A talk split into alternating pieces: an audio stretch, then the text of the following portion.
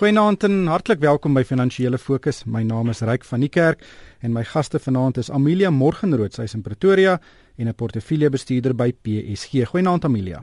Goeienaand Ryk. En uit die Kaap gesels Hein Kreur van Kreur Internasionaal. Goeienaand Hein. Goeienaand Ryk. Amelia, ek wil begin by die Wêreldekonomiese Forum se globale mededingendheidsindeks wat hierdie week bekend gemaak is. Dis 'n taamlike belangrike indeks daai en Suid-Afrika het sy posisie verbeter van nommer 56 tot nommer 49 op daai lys. Dis ten minste positief. Ons het die afgelope 4 jaar gegly op daai lys van omtrent posisie nommer 35 tot 56. So ons het nou die die die negatiewe tendens omgekeer.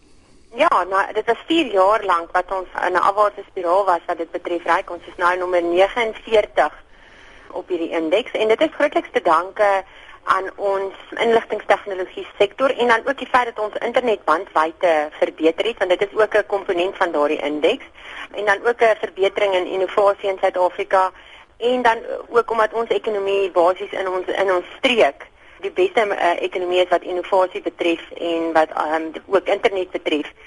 So dit is vir my baie positief um, in 'n week wat ons oorval was met um, negatiewe nuus en baie slegte ekonomiese data was dit baie goed gewees. Han kom ons praat 'n bietjie verder oor die positiewe goed. Die uh, mededingendheidsindeks kyk na ons ekonomie op verskeie vlakke, eintlik 'n hele klomp vlakke. En dan gee dit vir ons 'n punt vir verskeie van daai subsektore en die sektore wat baie goed gedoen het is uh sektore in die privaat sektor, veral die finansiële bestuur van van uh ons maatskappye, die regulatoriese omgewing en ook die JSE wat 'n baie goeie aandelebeurs is uh, en onder die bestes in die wêreld tel. Ja, ryk weet, ek het deesdae die die benadering om te sê in steede van om na die uh, oorhoofse of die totale opsomming van die prentjie te kyk wat vir jou sê 'n ding is positief of negatief is om te sê kom ons gaan kyk wat maak die dele van die geheel op. Wat is die dele en wat het elkeen van hulle gedoen? En dan net byvoorbeeld waar ons kyk na onderwys wat hulle sê dit bly 'n groot probleem dan uh, gaan 'n mens byvoorbeeld in onderwys in en jy sê maar genade ons het fantastiese onderwysinstellings in Suid-Afrika ja, oor hoofs word dit afgetrek deur die negatiewe, maar nou moet jy nie die die positiewe gaan gaan ignoreer nie. En kom ons kyk waar kan ons op uh, konsentreer om te verbeter en te leer uit die gedeelte daarvan wat ons waarin ons goed is en die res wat nie goed is nie optrek. En 'n mens kry sulke uh, eintlik goeie stories. Byvoorbeeld van skole wat baie swak gevaar het waar jy mense enkele mense gekry dat daar ingekom het byvoorbeeld 'n nuwe skoolhoof en binne 'n baie kort tydjie so 'n skool kon omgedraai het. En ek wil daardie voorbeeld gebruik en sê, kom ons kyk na elke ding so. Moenie laat ons onsself net die hele tyd afskiet en sê alles is sleg omdat die meerderheid swak is nie. Kom ons gaan kyk waar het ons gedeeltes van van 'n uh, uitstaande uh, prestasie. Uh, kom ons kyk waar kan ons daardie uitstaande prestasie dan gebruik om die ander gedeelte, die oorgewig gedeelte wat ons aftrek, te begin oplig stelselmatig. En jy weet, elke keer kom dit neer op enkelinge, op individue wat die bil by die horings pak in 'n bepaalde plek en en dit kan regkry. En uh en ons het 55 miljoen hmm. mense in die land. As net dubbel van die belastingbetalers van 5 miljoen mense of kom ons sê 7 miljoen mense in die land gaan begin skouer aan die wiel sit en help, dan maak dit 'n massiewe groot verskil in die in vir die res van die mense wat uh uh, aan die agterspeensuig van die hmm. van die koei. Amelia, ja, die die verslag wys ook op die doeltreffendheid van die regering as 'n groot negatiewe en ek wil dit net bytrek by byvoorbeeld die die toerismebedryf het hierdie week saamgetrek en 'n uh, hele konferensie gehou oor die impak van die nuwe visum regulasies wat natuurlik mense verplig om in self in hulle persoon by uh, sekere sentrums op te daag om 'n ja. visum te kry en soms moet mense honderde kilometers vlieg om by so 'n sentrum uit te kom veral in China wat een van ons groot bronne van toerisme is. Daar is sekere goed wat die regering doen wat regtig net nie sin maak nie en en hierdie is een daarvan en hopelik sal soos hy nou gesê het kan iemand opstaan en sê luister ons het 'n fout gemaak kom ons maak dit reg. Ja, en op hierdie tabel is ons 117 as dit kom by uh, regeringsregulering en dit is dit is 'n dit is eintlik iets wat ons maklik aan kan werk, nou, want dit is tog nie 'n 'n 'n groot dis dis tog nie 'n groot vraagstuk wat ehm um, baie geld gaan kos en baie insette moet lewer om op te los soos ons probleme wat betref werkloosheid en so aan die eh, die, die regering self kan so iets baie vinnig en maklik relatief maklik uitsorteer. En as hulle sou byvoorbeeld skouer in die wiel sit soos Heinz so mooi gesê het, dan kan dit baie goed wees. Jy weet, ons is ongelukkig is ons situasie steeds baie sleg wat 'n paar brandpunte betref. Ons sekuriteit ons ons die, die wat betref sekuriteit in Suid-Afrika is ons 102 op die lys ons elektrisiteitsvoorsiening is ons 116 en dan ons arbeidsmark is 107. So daar's 'n paar goedjies wat baie kommerwekkend is. Selfs ons gesondheidsorg is ons op 128 en die kwaliteit van ons skolestelsel is op 100 is op 120. So daar's 'n hele paar goedjies waaraan ons kan werk, maar ja, um, om aan te sluit wat hy gesê het, daar's ook baie positiewe goed en um, ek hou altyd van die manier mooi die mooi frase wat Ken Santer gebruik in Suid-Afrika, is daar so baie pockets of excellence. En dit is wat ons ekonomie nog aan die gang hou en dit is wat ons land nog al, altyd die moeite werd maak om te bly en in te belê. Hierdie week het ek weer gesien op CNBC dat Suid-Afrika vir die 6de jaar in 'n ry nommer 1 is wat betref die sterkte van ons audit professie en ons rapporteringsstandaarde. So ja, daar's baie baie positiewe goed om ook aan vas te klou. Hmm. Hein, uh ek wil 'n bietjie gesels oor Thomas Piketty, die bekende Franse ekonom, um wat natuurlik 'n boek geskryf het Capital in the 21st Century, 'n taamlike omstrede boek oor ongelykheid in die wêreld. Hy was hierdie week in Suid-Afrika en het 'n verskeie lesings ge, gegee en hy het weer eens onderstreep hoe ongelyk Suid-Afrika is en watter probleme dit in die toekoms vir ons gaan skep.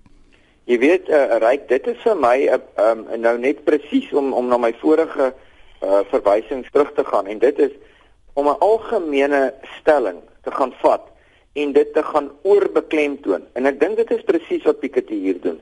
Die punt is die eenvoudige verspreiding van vaste eiendom van grond in die land uh, en in geen land in die wêreld het tot 'n tot 'n uh, uh, skielike ekonomie laat opbloei nie. Want jy kan nie jy kan nie grond gaan wegneem sommer maar net waar dit ekonomies uh, ekonomiese groei aanwakker en 'n groot bydrae tot die ekonomie lewer en dit dan in die hande gaan plaas van mense niks daarmee doen nie en ongelukkig is die voorbeeld van die uh, uh, herverdeling van grond wat ons in Suid-Afrika gehad het in die oorgrootste meerderheid wys dit juis daarop dat dit van van ekonomiese volhoubaarheid uh, oorhandig is aan mense wat nie die vermoëns, die kundigheid, die ja. kennis, die die, die kapitaal korrek kon aanwend om dit te laat groei nie. En daarom ja, is ek ja, baie baie ja. krities oor dit wat hy sê.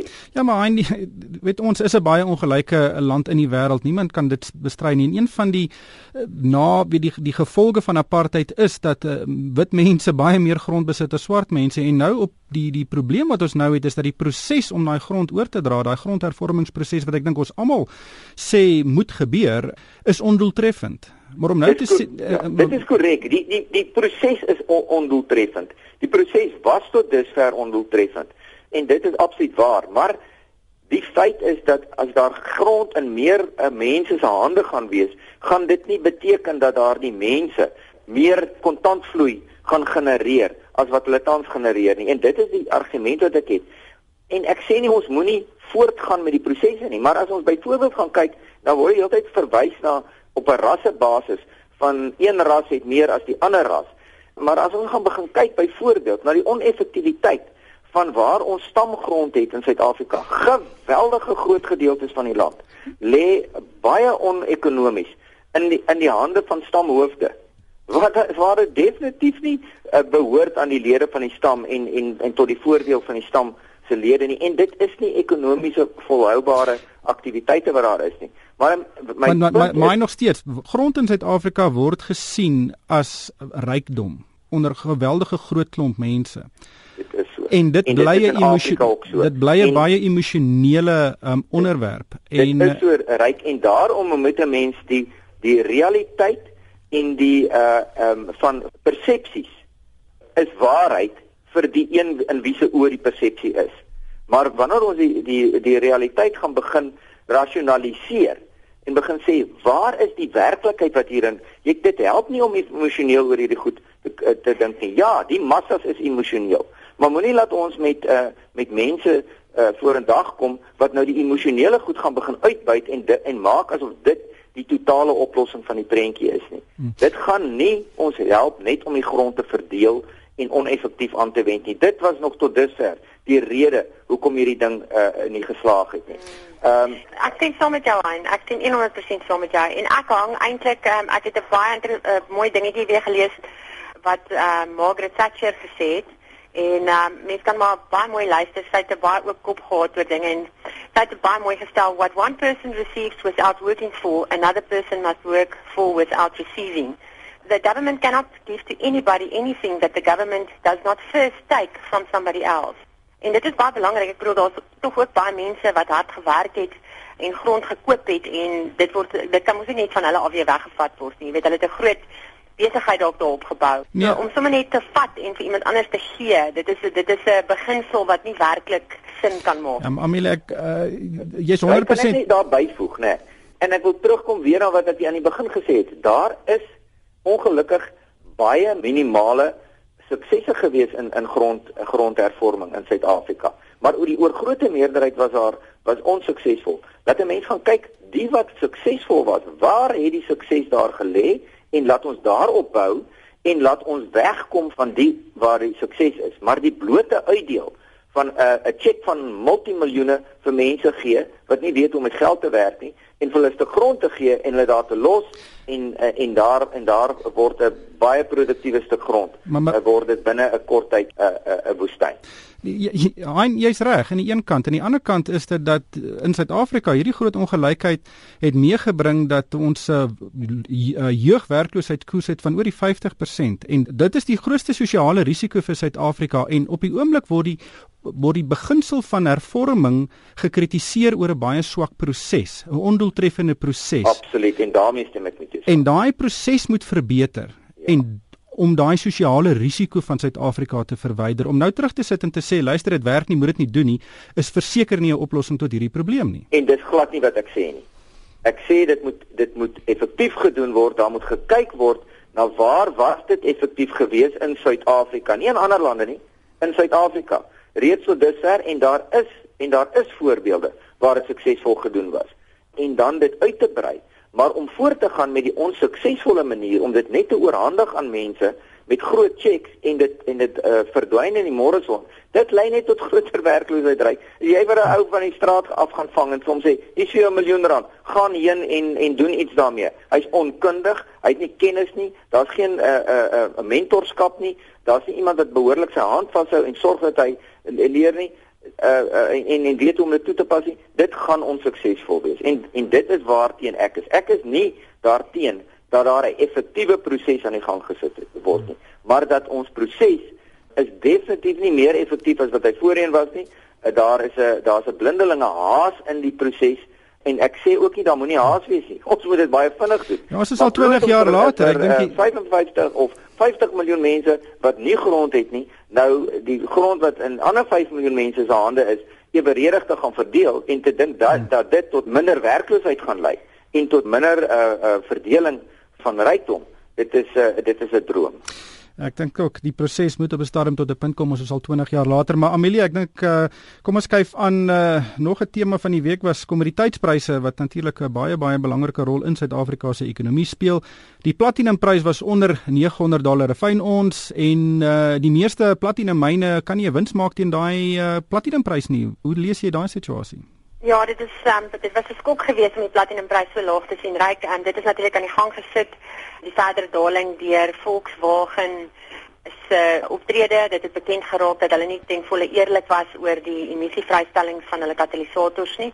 En dieselvoertuie veral het onder die loop gekom en daar's van die lande wat sommer 'n totale verbod geplaas het op die invoer van Volkswagen dieselvoertuie en weet um, die in die katalisators van motors is dit hoofsaaklik die diesel voertuie wat baie platinum gebruik. So daar was onmiddellik nog 'n verdere bekommernis oor die ooraanbod van platinum in die wêreld en die vraag wat nog verder onder druk kan kom. En dit wys maar net weer eens, jy weet, daardie onewewig wat daar in 'n mark ontstaan wanneer pryse te hoog styg en daar te veel produksie op lyn kom en wanneer daar 'n uh, spesiale situasie is soos wat ons gehad het in China waar daar 'n geweldige vraag na uh, kommoditeite was vir baie jare en sodra dit afplat dan moet daar eers weer ewewig in die mark kom en dit is maar nog steeds daardie proses wat aan die gang is ja. en selfs die ander ehm um, die ander kommoditeitpryse het almal nog verder teruggeval hierdie week koper het 'n nuwe laagtepunt bereik steenkool het en die enigste een wat nog so 'n bietjie kop bo water hou is ystererts. Hy het nie weer 'n nuwe laagtepunt gemaak nie. Dit is verblydend om dit te sien, maar meeste van die ander kommoditeite bly onder druk. En dit is natuurlik baie baie slegte nuus vir Suid-Afrika en ek ek weet nie uh, hy hoe lank Suid-Afrika nog uh, of of platinum myne kan uh, werksverliese uitstel nie.